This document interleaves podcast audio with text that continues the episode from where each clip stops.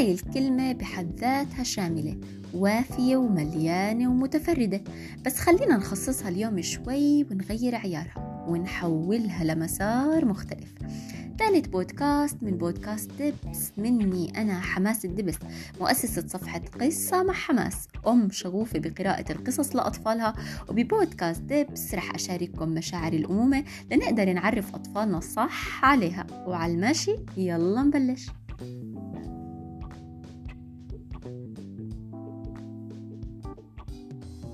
الحب. عمق الكلمة كافي ليخليكي تتمني تسمعيها طول الوقت. بكل طبخة زاكية مشوار حلو وانت بتغسلي بتطوي الغسيل وبتنشري الغسيل. بالمناسبة أنا ما بحب الغسيل أبدا. مين مثلي؟ الحب. هالكلمة المليانة شغف تعبير رقي ود أخذ عطاء وأحيانا عطاء دون مقابل. كافية تقلب مودك 360 درجة وتخليكي من أسوأ مزاج لأحسن وأجمل مزاج بالعالم.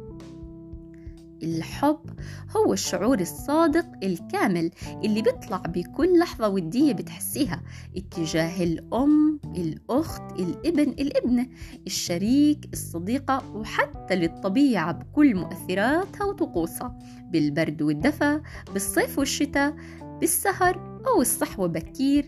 بقهوتك الصبح باستنشاقك لنسيم الصبح ممكن للألوان المفضلة وتأثيرها عليكي ولكتير وكتير قصص. وقفي شوي معي وفكري على هالسؤال بأول جواب بخطر على بالك. لحظة واحدة بس غمض عيونك واحكي لي مين أكتر شخص بتحبيه بحياتك. فكري هاللحظة معي بهدوء وسكون وبدون صوت.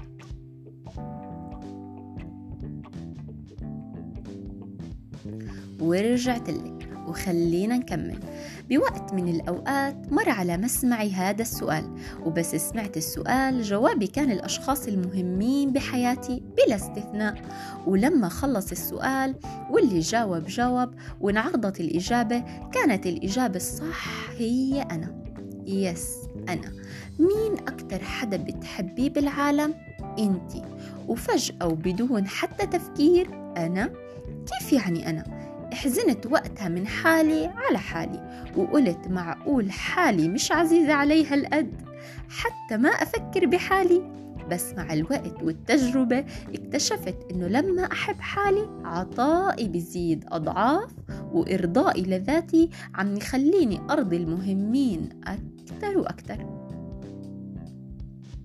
وهالتفكير يا صديقتي صار يزيد بعمق. ونتائجه مع الوقت عم تتحسن. واليوم من هذا المنبر بدي أحكي لك حبي حالك بغض النظر عن عطائك كميته وقدرته بس حبي حالك حبي عشان تعبي وبس تعبي بتفضي. ولا تنسي المقابل انت البطارية والشاحن بكل شيء بحبة شوكولاتة بتمشاي بهدية بوقت نوعي تقرأي فيه تحضري مسلسل أو يمكن بهدوء تام.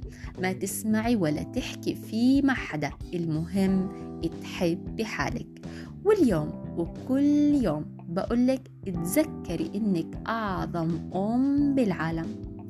هاي كانت ثالث بودكاست إلك من دبس وبتمنى لك اليوم كل الحب.